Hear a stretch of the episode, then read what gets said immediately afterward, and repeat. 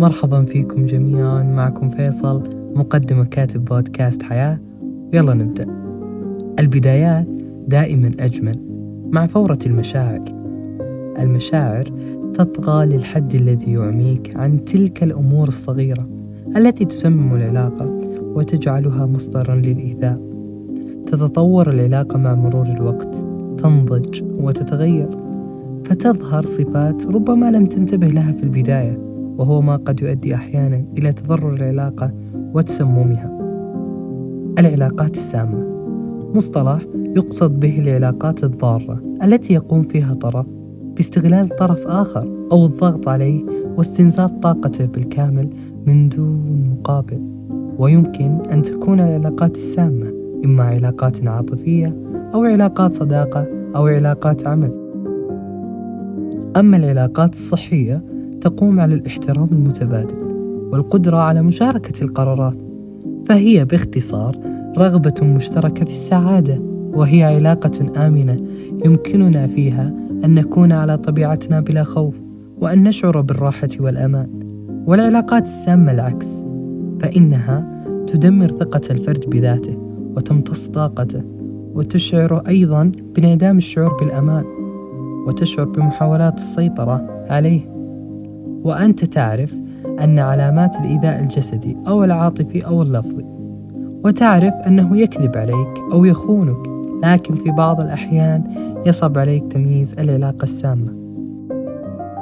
تقول الدكتورة إليزابيث سكوت إن العلاقات التي تنطوي على الإساءة الجسدية أو اللفظية تصنف بالتأكيد على أنها سامة ولكن هناك علامات أكثر دقة للعلاقات السامة. فمثلا الشعور بالضعف والاستنزاف وزعزعة الثقة بالنفس والشعور المستمر بعدم الاحترام وعدم تلبية احتياجات الشخص الشعور بالاكتئاب أو الغضب أو التعب في حضورك مع الشخص السام تغذية المشاعر السلبية مثل القسوة والحقد والكراهية والألم.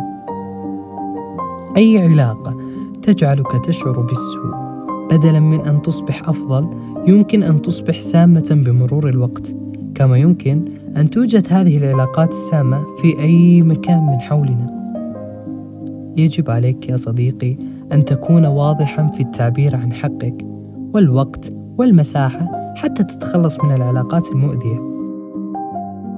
وضع الحدود ينقذك يا صديقي فيستغل الطرف المؤذي أي ضعف أو أي موقف حتى يتسلل إلى حياتك ويتحكم بك.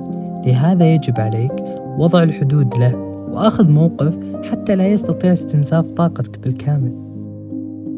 قد لا تجد حلا أو علاجا للعلاقات السامة غير الابتعاد والتخلي وهذا مؤسف. من أخطر أضرار العلاقات السامة أنها تؤثر على الصحة العقلية وهو ما يؤثر سلبا على حياتك وقد يقود إلى بعض الأمراض الصحية.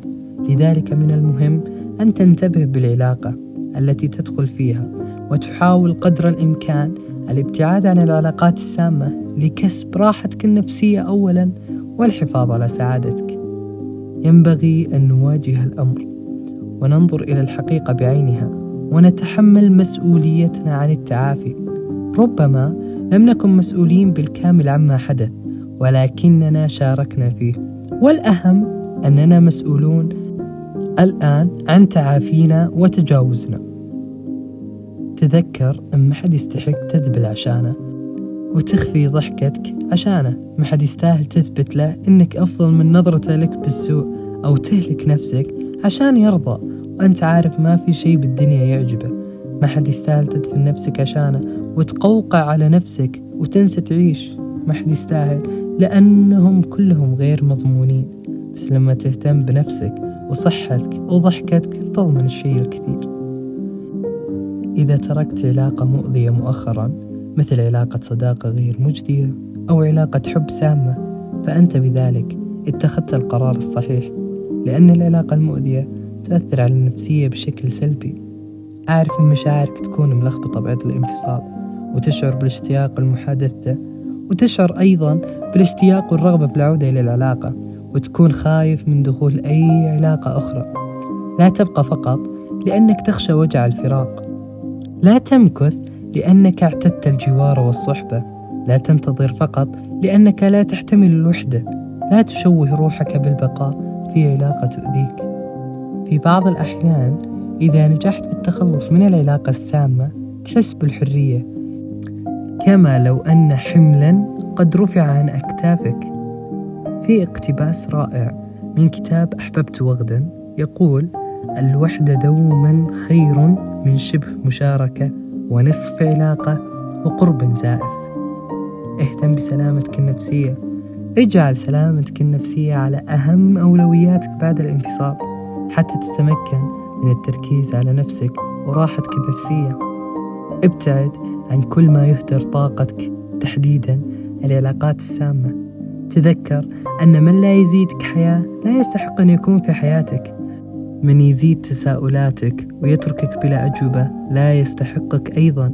الحياة مليئة بالعقبات. لست بحاجة لصنع عقبة أخرى بيدك. من لا يسهل حياتك؟ سهل الله له طريقا غير طريقك. فالعلاقات خلقت للراحة والرحمة. سنشد عضدك بأخيك. إذ يقول لصاحبه لا تحزن وجعلنا بينكم مودة ورحمة. لم نخلق لنثبت حسن النوايا أو ننتصر على بعض في أوقات الخلاف. العلاقات وجدت لتكون بمثابة استراحة لنا بلا تعب وبلا مشقة. تذكر سيحفظ الله علاقتك مع الناس الذين مقدر لهم أن يكونوا بحياتك. وفي ناس وجودهم كدرس وتذكير وتيسير أو تحذير لحياتك وينتهي دورهم. وليس بالضرورة كل نهاية تكون بشعة بل احفظ الود واذكرهم بالخير. إذا سلم أمرك لله في علاقاتك ولا تفكر ولا تحزن على كان من يكون. جاور الذي يليق بمقام قلبك الذي يسمع منك لا من غيرك الذي يأتيك وقت الغضب يحتويك يلتمس لك العذر. حتى إن أخطأت يتخذك على محمل الجد. يرفق بك ويراك الخيار الأوفر والأحب. وإن تعددت الخيارات فالحياة أقصر من أن تقضيها مع شخص يرهق قلبك. شكرا لاستماعكم. أتمنى تكونوا بخير. إلى اللقاء.